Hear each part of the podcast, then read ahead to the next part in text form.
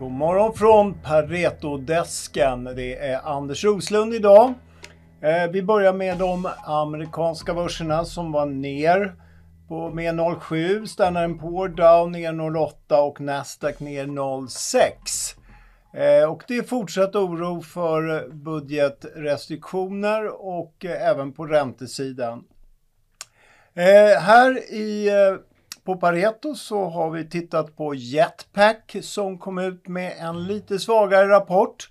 Försäljningen var bara upp 2,9% organiskt. Vi hade trott 4 eh, och marginalen var lite sämre, 9,8 mot förväntat 10,5. Men det som oroar är att de drar ner sin helårsprognos för 2023 från eh, runt 5% tillväxt till ungefär oförändrad tillväxt. Eh, och de eh, skyller då på en svagare ekonomisk tillväxt i Europa och förväntat också i Norden. Så att lite mjukare för Jetpack, men eh, det här är ett bolag som också annonserat att de ska göra mer förvärv.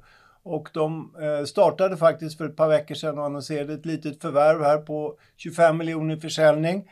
Men vi tror att mer kommer. Man har avstått utdelning i två år och är nästan skuldfria.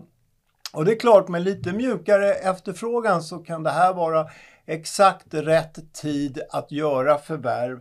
Så att vi gillar Jetpacks långsiktiga eh, profil, låg värdering, eh, men normalt sett en tillväxt över en, en konjunkturcykel på runt 5% organiskt och 5% med förvärv.